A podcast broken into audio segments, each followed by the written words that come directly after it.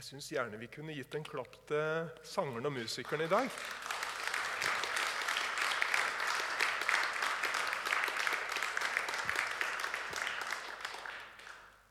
Fantastisk flinke.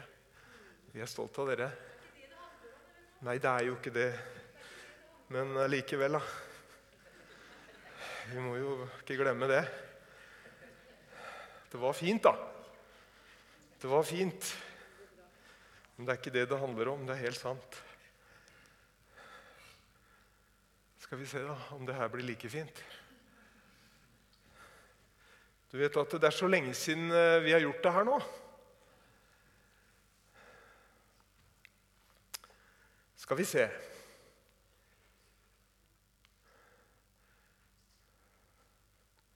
Der skjer det noe.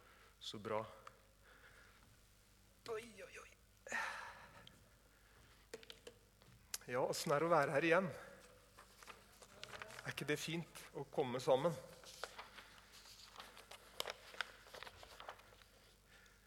Det kan jo være deilig å ha fri en søndag òg, det er ikke det, men eh, det er fint å komme sammen, da.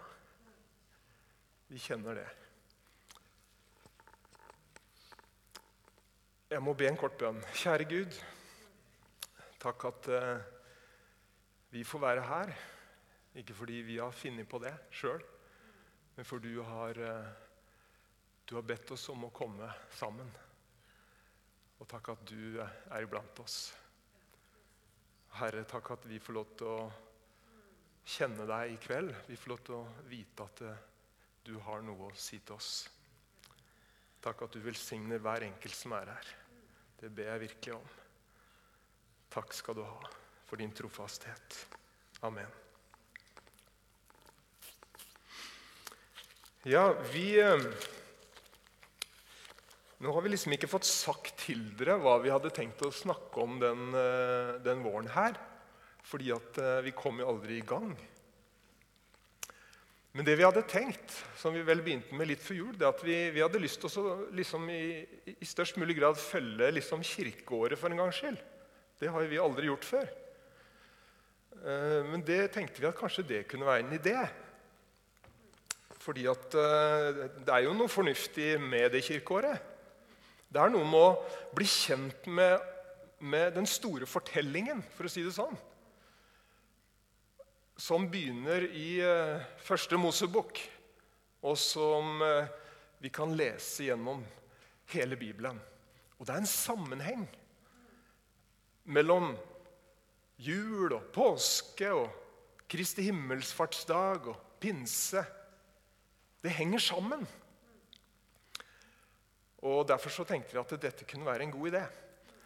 Og hvis du hvis du lurer på det, så er vi nå i noe som heter fastetida. Det har ikke vi prata så veldig mye om. Fasten. Men den begynner altså på noe som heter askeonsdag. Det har vi heller ikke prata mye om. Men det, den begynner i hvert fall der, og så er det 40 dager. Og så avslutter den eh, påskeaften. Og hva er vitsen med faste? Er det noen som har faste her noen gang? Du trenger ikke å rekke opp hånda. Men... Eh, men, men det, det, er ikke sikkert alle syns det var like stas. Jeg har prøvd det, jeg òg. Men eh, det, det, er ikke alle som syns det er like stas. Men det er noe, det er noe, er noe fint med det. da. Og eh, Det er på en måte en sånn forberedelse til påske. Vi forbereder oss til jul, ikke sant? En måned minst. Men kanskje vi skal forberede oss litt til påske også? liksom zoome litt inn på det som eh, skjer i påska. Påske er jo den største høytiden for, eh, for de kristne. Men hvor er vi da? Nå ga jeg deg dårlig samvittighet hvis du skal på påskeferie. Det var ikke det som var meninga.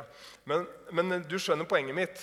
Det er noe med å feire de store begivenhetene i det som eh, er vår tro. Og påska, den er egentlig veldig stor. Men vi er altså inne i det som heter fastetida. da.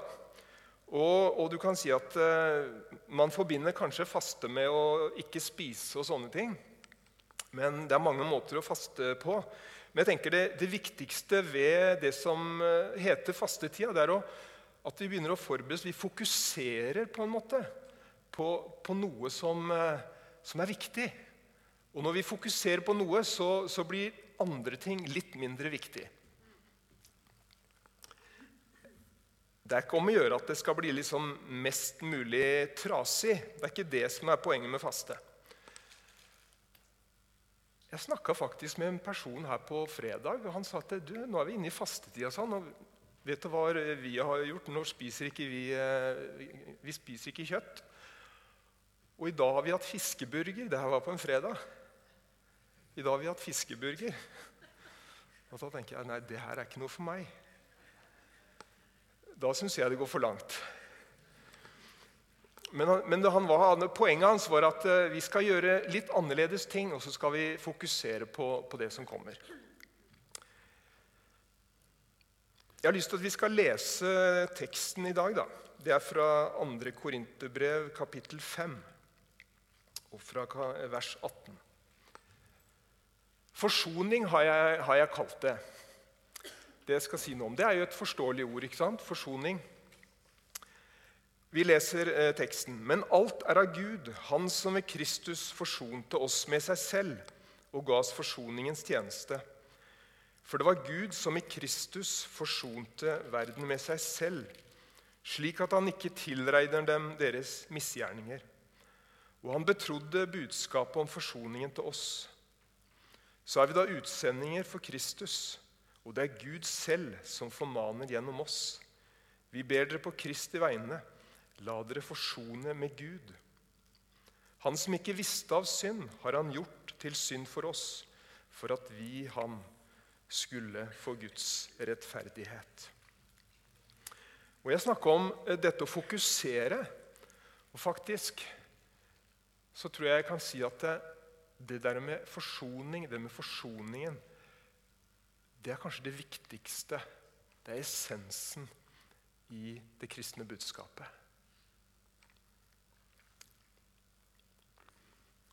Du har sikkert eh, opplevd konflikter og uforsonlighet. Og hvis du har opplevd det, så vet du at det er veldig krevende. Og det er veldig ødeleggende. Om det er eh, mellom nasjoner, om det er eh, i familien, om det er i menighet eller om det er i andre relasjoner. Det liksom tar eh, energien, det tar, kreftene, det tar kreftene dine. Det tar gleden. Og mange blir til og med syke av det. På den annen side så er det fantastisk når mennesker kommer til forsoning. Ta hverandre i hendene og be hverandre om tilgivelse. Og ting blir gjenoppretta. Jeg snakka med en person for en stund tilbake, og vedkommende forteller at uh, 'Jeg har ikke hatt kontakt med pappaen min på mange år, men nå har vi opplevd forsoning.' Og Det var så fantastisk å høre. Og det berørte hele familien, langt utover de to det gjaldt. Det er så mye liv i det. Det er så mye, er så mye oppdrift i det. Og Derfor så, så er det et enormt viktig ord, og det er, det er noe som vi trenger å leve i. Og på samme måte som min relasjon til mennesker påvirker mitt liv og min tilværelse, så, så påvirker også min relasjon til Gud meg enda mer. Og Det er først og fremst den relasjonen jeg skal si litt om i dag. For egentlig så er Bibelen det er fortellingen om eh, menneskets ødelagte relasjon med Gud. Om alle de negative konsekvensene og problemene som det fører med seg. Men samtidig så er det også fortellingen om hvordan Gud selv tar ansvar for å skape forsoning med alle de gode konsekvenser som det medfører. Og så er det noe da med, med forsoning. Det handler selvfølgelig om å be hverandre om tilgivelse, men det handler også om, handler også om, om et oppgjør. Det må skje et oppgjør med det som er ondt. Det er ikke nok å bare liksom glatte over. Det må et oppgjør til. Og det oppgjøret, det er jo det som skjer i påska. Gud er god, han. Men han, han ikke bare glatter over. Han sier ikke bare liksom, ja, det er, det er greit, vi setter en strek. Men han er også rettferdig.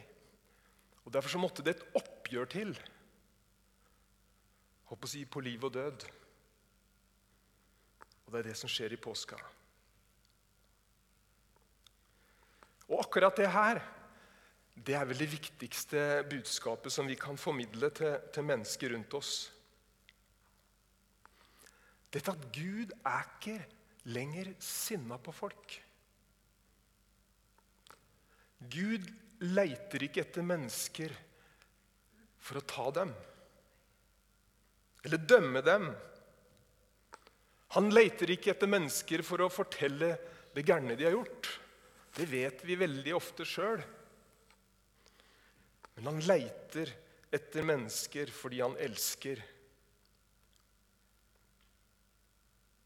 Det er budskapet vårt.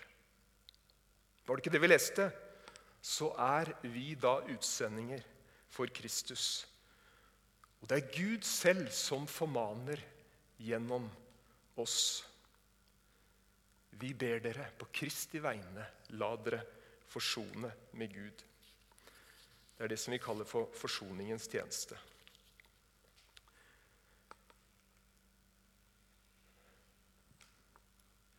Jeg skal si litt om dette med forsoningen først. Egentlig så, så, så skulle tittelen vært 'Forsoningens tjeneste' i dag. Men jeg syns det er fint å si litt om forsoningen først. Hva handler det om?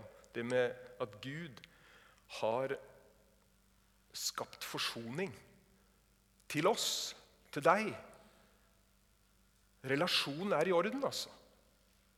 Det er ikke noe, lenger noe imellom som ødelegger. Og Gjennom hele Bibelen, Bibelen, i alle bøkene, så finner vi denne tanken om å skape forsoning mellom menneske og Gud. Det er det som de kaller for den Bibelens røde tråd. Og det er, eh, det er, en historie Det er liksom en sånn I Det gamle testamentet, mens Israel var i ørkenen, så skjedde det jo så mye gærenskap. Ikke sant? De var misfornøyde, og de eh, lagde seg en gullkalv når Moses var litt av gårde. og Det funka ikke veldig bra, for å si det sånn. Det var mye rart som skjedde gjennom alle disse åra.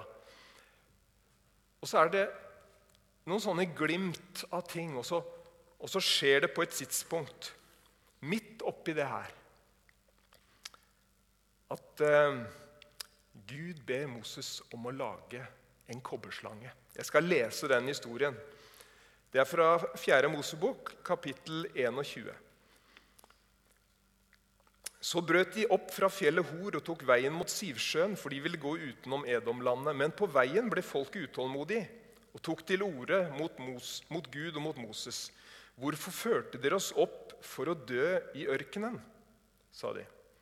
Her er det verken brød eller vann, og vi er inderlig lei av denne elendige maten. Da sendte Herren serafslanger inn blant folket. De bet israelittene, og mange av dem døde. Folket kom til Moses og sa at vi har syndet da vi tok til orde mot Herren og mot deg. Be Herren at han må ta slangene bort fra oss. Det her var verre enn eh, korona òg, altså.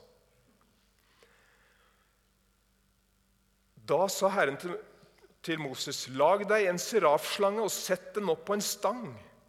Og la alle som er blitt bitt, se på den. Da skal de leve. Moses laget en kobberslange og satte den opp på stangen. Og når noen ble bitt av en slange og så på kobberslangen, fikk han leve. Har du hørt historien før?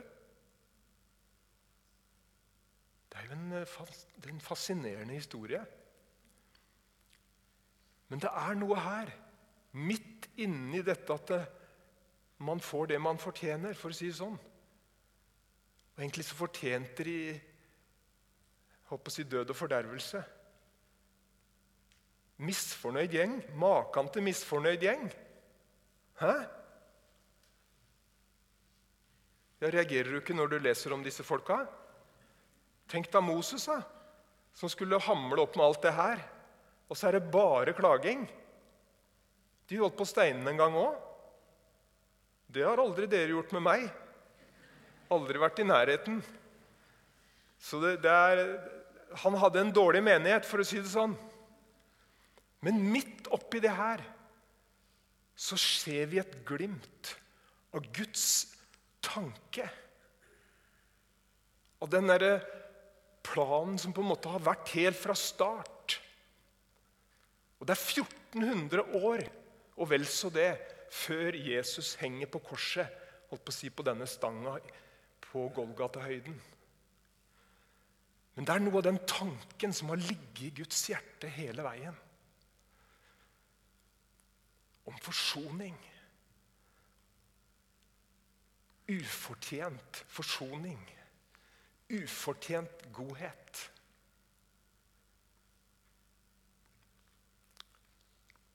Og så, løfter, så løftes denne stanga opp med denne serafslangen på.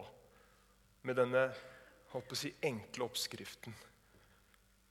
Blir du bitt, så kjemp ikke mot slangene, men løft blikket ditt, som du sa i stad, Se på denne slangen på pålen, så kommer det til å gi deg liv. Og du blir frisk igjen. Det er veldig mye fint å lære av denne historien. her. Hvis du synes det er liksom litt komplisert noen ganger i Det nye testamentet, så finn noen sånne historier i Det gamle testamentet. Det kan noen ganger hjelpe oss til å forstå en del ting av det som skjer med Jesus. Bare sånn helt kjapt, da. Så tenkte jeg synd. Dette gamle ordet som vi kan gjerne mislike, men, men virkeligheten er der, for å si det sånn. Det å bomme på målet, det å hva, hva, med den? Jo, synd er gift, og folk dør av det. Kan vi si det sånn? Du kan gjerne være uenig i begrepet, men synd er faktisk giftig. Og mennesker kommer til å dø av det. På den andre sida kan du si tro. Det er enkelt. Det er å vende seg mot Gud vende blikk og oppmerksomhet mot Han som henger på dette korset. Løsningen var ikke å kjempe mot slangene, men det var å se opp mot denne kobberslangen, som er et bilde på Jesus.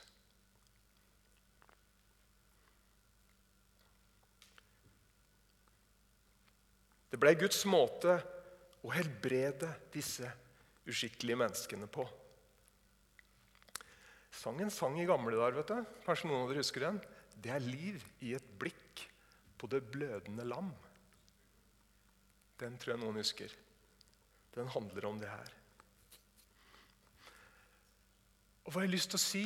Jo, jeg tror fra tid til annen så tror jeg vi trenger å stoppe litt opp og betrakte lidelseshistorien til Jesus. Det er så lett å, å skygge unna den, fordi den er, så, den er, så, brutal. Den er på en måte så, så blodig.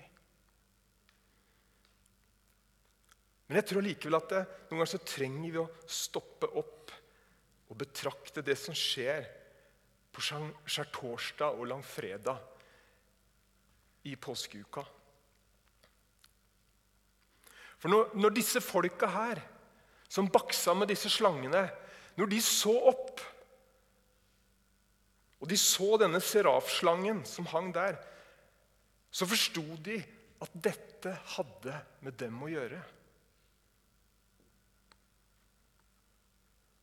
Og Det er noe med å se når Jesus henger på korset. så har det noe med meg å gjøre. Det er ikke bare alle de andre. Det er også min uskikkelighet. Jeg har ikke alltid behandla Inger som jeg skulle. Jeg har ikke alltid behandla ungene mine som jeg skulle.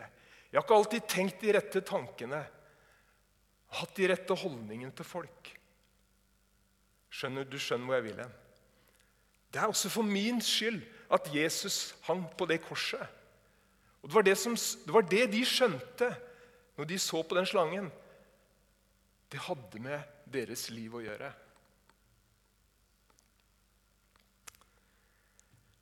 Det er i hvert fall to ting som skjer når jeg gir min oppmerksomhet til Jesus og hva han har gjort for meg på korset. Jeg blir minna om, om, mine feil, ja. Som jeg sa, når de så på slangen, så forsto de at det var deres synd. Deres misnøye som lå bak. Det tvang dem til å se alvoret i, i sin synd, dette med klagen, misfornøydheten. Og så en ting til. Når vi betrakter Jesus på korset, så blir jeg også minna om dette at Jesus elsker meg så høyt.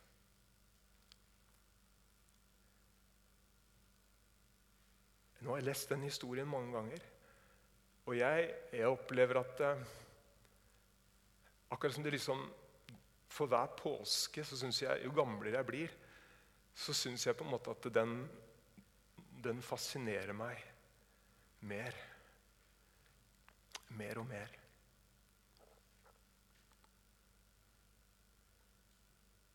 Tenk at Jesus elsker meg så høyt. At jeg var verdt å dø for.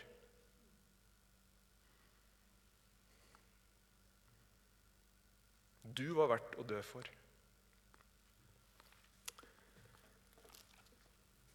Poenget mitt nå det var å si til deg La oss fokusere inn på det som skjer i forsoningen, det Jesus gjør i påska. Gi det litt tid. Jeg tror det gjør noe med oss. For det var for deg han gjorde det. Fordi ditt liv var mye verdt. Det fortelles om en kar som het eh, Sinsendorf. Har dere hørt om han? Hvis noen har lest historie. Sinsendorf. Han var tysk, og han ble født i 1700. Eh, og Han starta noe som heter Brødremenigheten. Det handla ikke om at det var bare menn der, men det var sånn de snakka på den tida. Det var, eh, det, var, det var fokus på fellesskap. Alle slags kristne var, var velkommen til å være med i brødremenigheten. Og Han starta et veldig stort misjonsarbeid. På den tida var det ikke så vanlig med misjon. Men de sendte ut flere hundre misjonærer til hele verden. Eh, de starta et bønnetårn hvor de ba 24 timer hver dag hele uka. Og vet du hvor lenge de holdt på? I 100 år. Det var noe som dreiv denne mannen.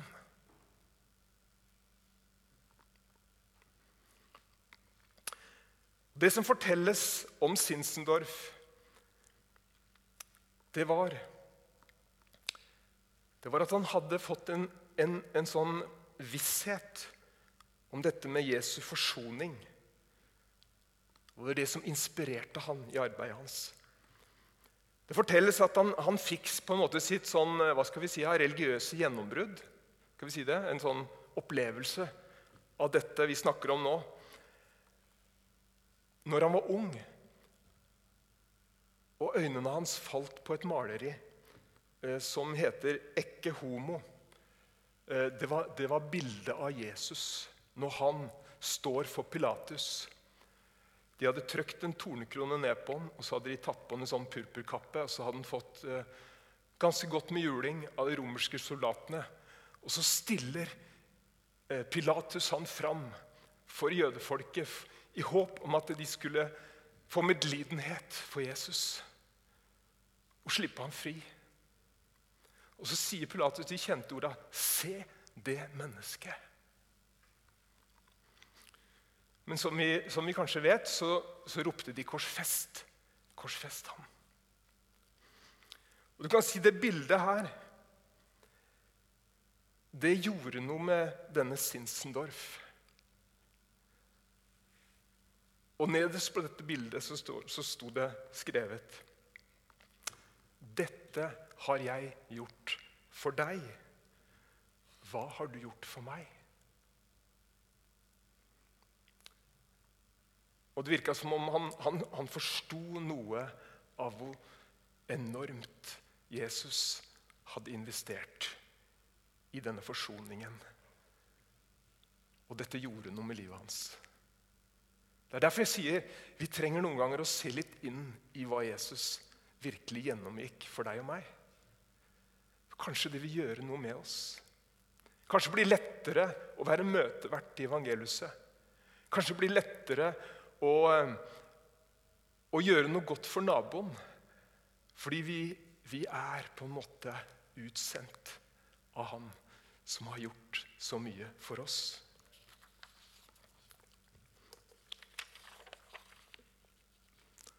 Og da skal jeg ta dette til slutt, dette med forsoningens tjeneste. Eh, helt kjapt, Jeg husker vi hadde besøk av en, eh, en for mange år siden her. Eh, så husker jeg Han spurte han fortalte han hadde vært et sted, og så spurte han hvor mange er det som vet hvilken tjeneste de har. Og Så tror jeg det var én som visste det i den forsamlingen. Og kanskje hvis jeg hadde spurt dere vet du hvilken tjeneste Gud har gitt deg? Jeg vet ikke hva du ville svart. Ikke sikkert du ville svart. Kanskje du ville svart. Men eh, jeg synes det er så fint når vi leser denne teksten her, så forteller faktisk denne teksten oss hva som er kanskje vår hovedtjeneste. Så neste gang noen spør deg, så tror jeg du kan svare er ikke det litt kjekt, da? Ja, fordi det er forsoningens tjeneste. Forsoningens tjeneste. Gud ønsker at vi skal fortelle mennesker rundt oss et helt spesielt budskap. Og det er det vi leste her, at det var Gud som i Kristus forsonte verden. Verden, altså. Ikke bare deg verden med seg selv, så han ikke lenger tilregner dem deres misgjerninger. Det er ikke sikkert folk er så opptatt av det her, men jeg tror mange er opptatt av dette med skyld, kjenner på skyld. Og mange, mange tenker om Gud at han, han, er mest opptatt av hva jeg gjør gærent. Ikke sikkert du tenker sånn, men jeg tror mange tenker sånn. Jeg tror det er mange som holder seg på armlengs avstand fra Gud fordi de er usikre på er Gud eh, er Gud fornøyd med meg. Er han, er, han, er han sint på meg? Er han ute etter meg? Ikke sant? Jeg tror du kjenner til noe av det her. Men det er det som er budskapet vårt, og det er det som er tjenesten vår. Å fortelle mennesket at Gud, han er ferdig med det elendigheta, for å si det sånn. Det er ferdig. Relasjonen er klar. Han bare lengter etter å få kontakt med mennesker. Forsoning. Gud er ikke lenger sint.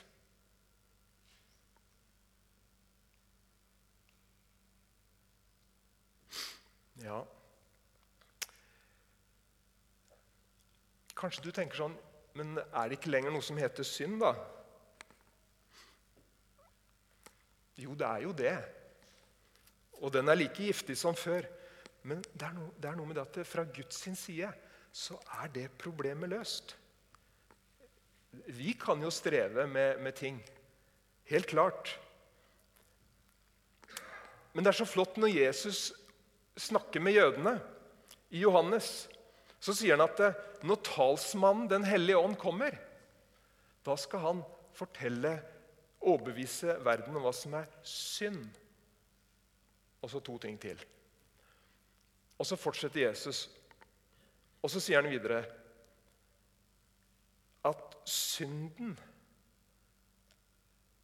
er at de ikke tror på meg.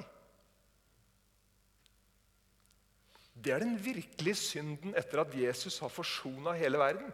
At de ikke tror på meg.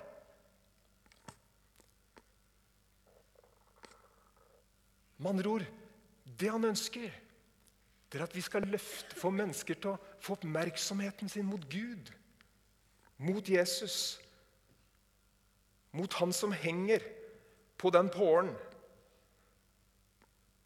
Han som ble dømt. Han som ble forbannet istedenfor deg og meg. Der ligger løsningen. Det er Guds vaksine for alle mennesker. Uten bivirkninger.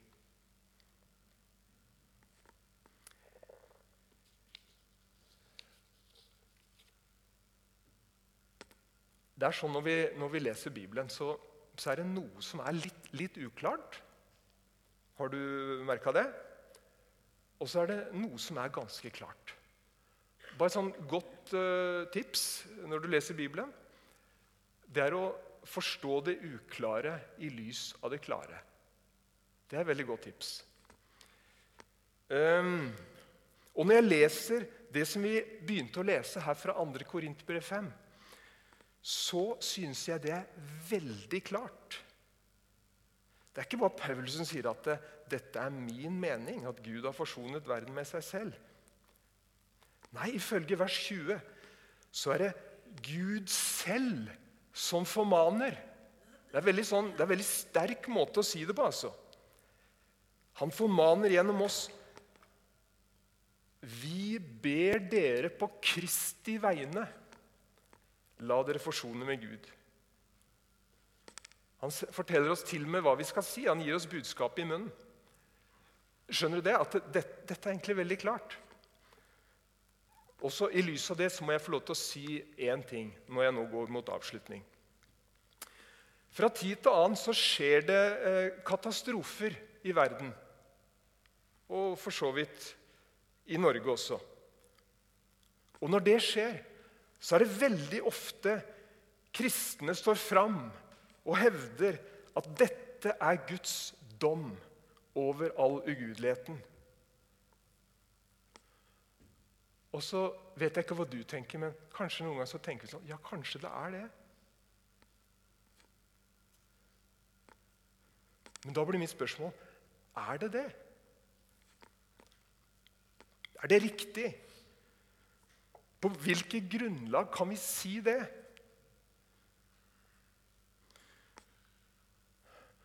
Og så tenker jeg opp mot det vi har snakka om i dag. Er det det budskapet vi skal gi til våre naboer? Dette er Guds dom over oss fordi vi, vi gjør så mye dumt. Er det forsoningens tjeneste? Er det det budskapet folk trenger å høre om Gud? Jeg er usikker, altså. Jeg tror at eh, Gud har forsonet verden med seg selv. Og så kommer det en dom. Jesus skal dømme. Du må gjerne være uenig med, meg i det jeg sier nå, men jeg tror det er så viktig å holde klart det budskapet her. At eh, menigheten blir holdt på å si, unison i sin, eh, i sin formidling av hvem Gud er. Er han min dommer, eller er han min forsoner og hjelper og frelser? Er han sint på meg, eller elsker han meg?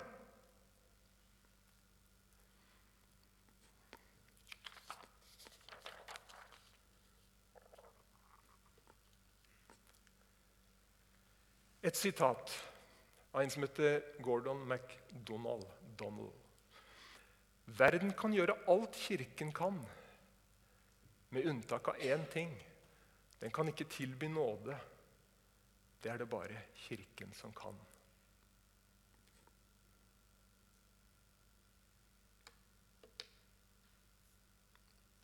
Forsoningens tjeneste. Er det kristne fellesskapet et godt sted å komme når vi mislykkes?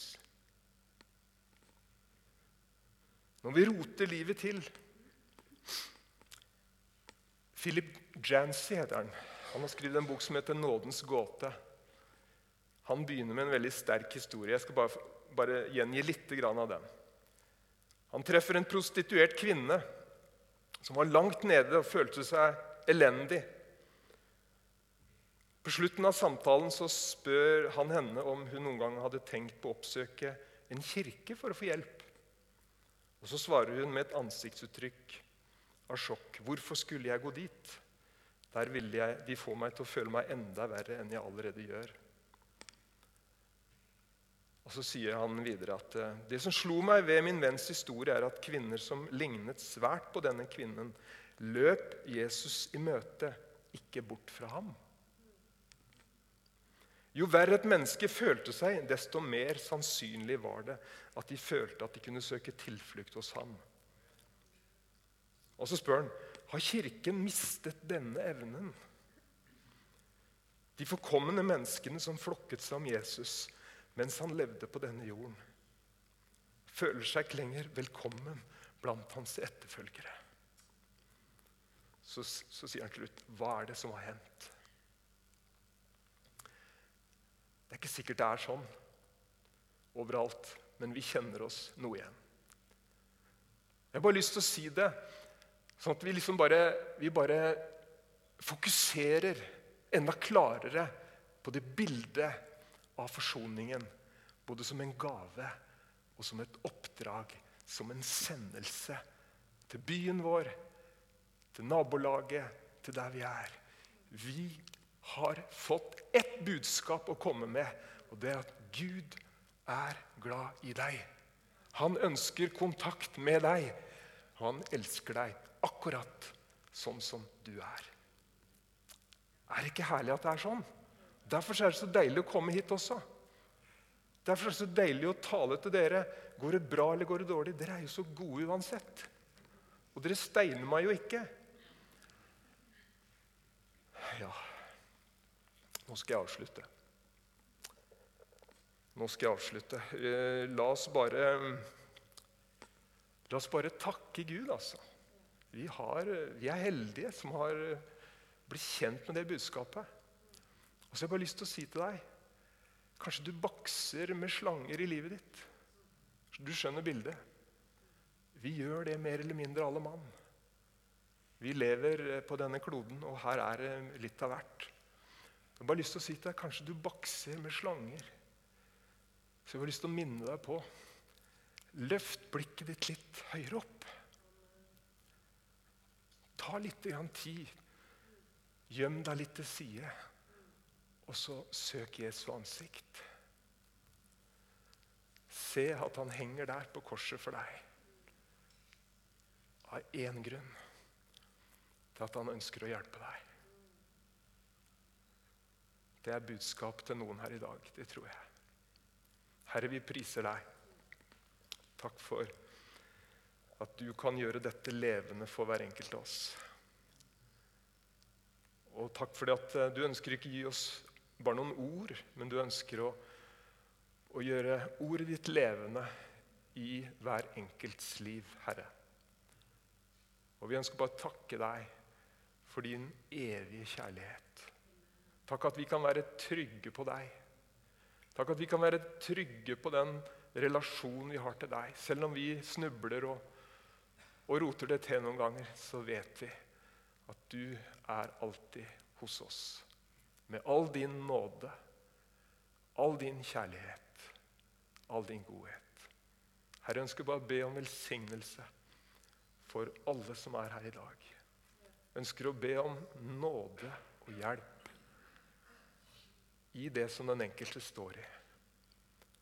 Herre, la den enkelte få oppleve at det er liv i møte med ditt kors. Det er liv i møte med deg. La ditt liv, Herre, få nå inn i den enkelte situasjonen.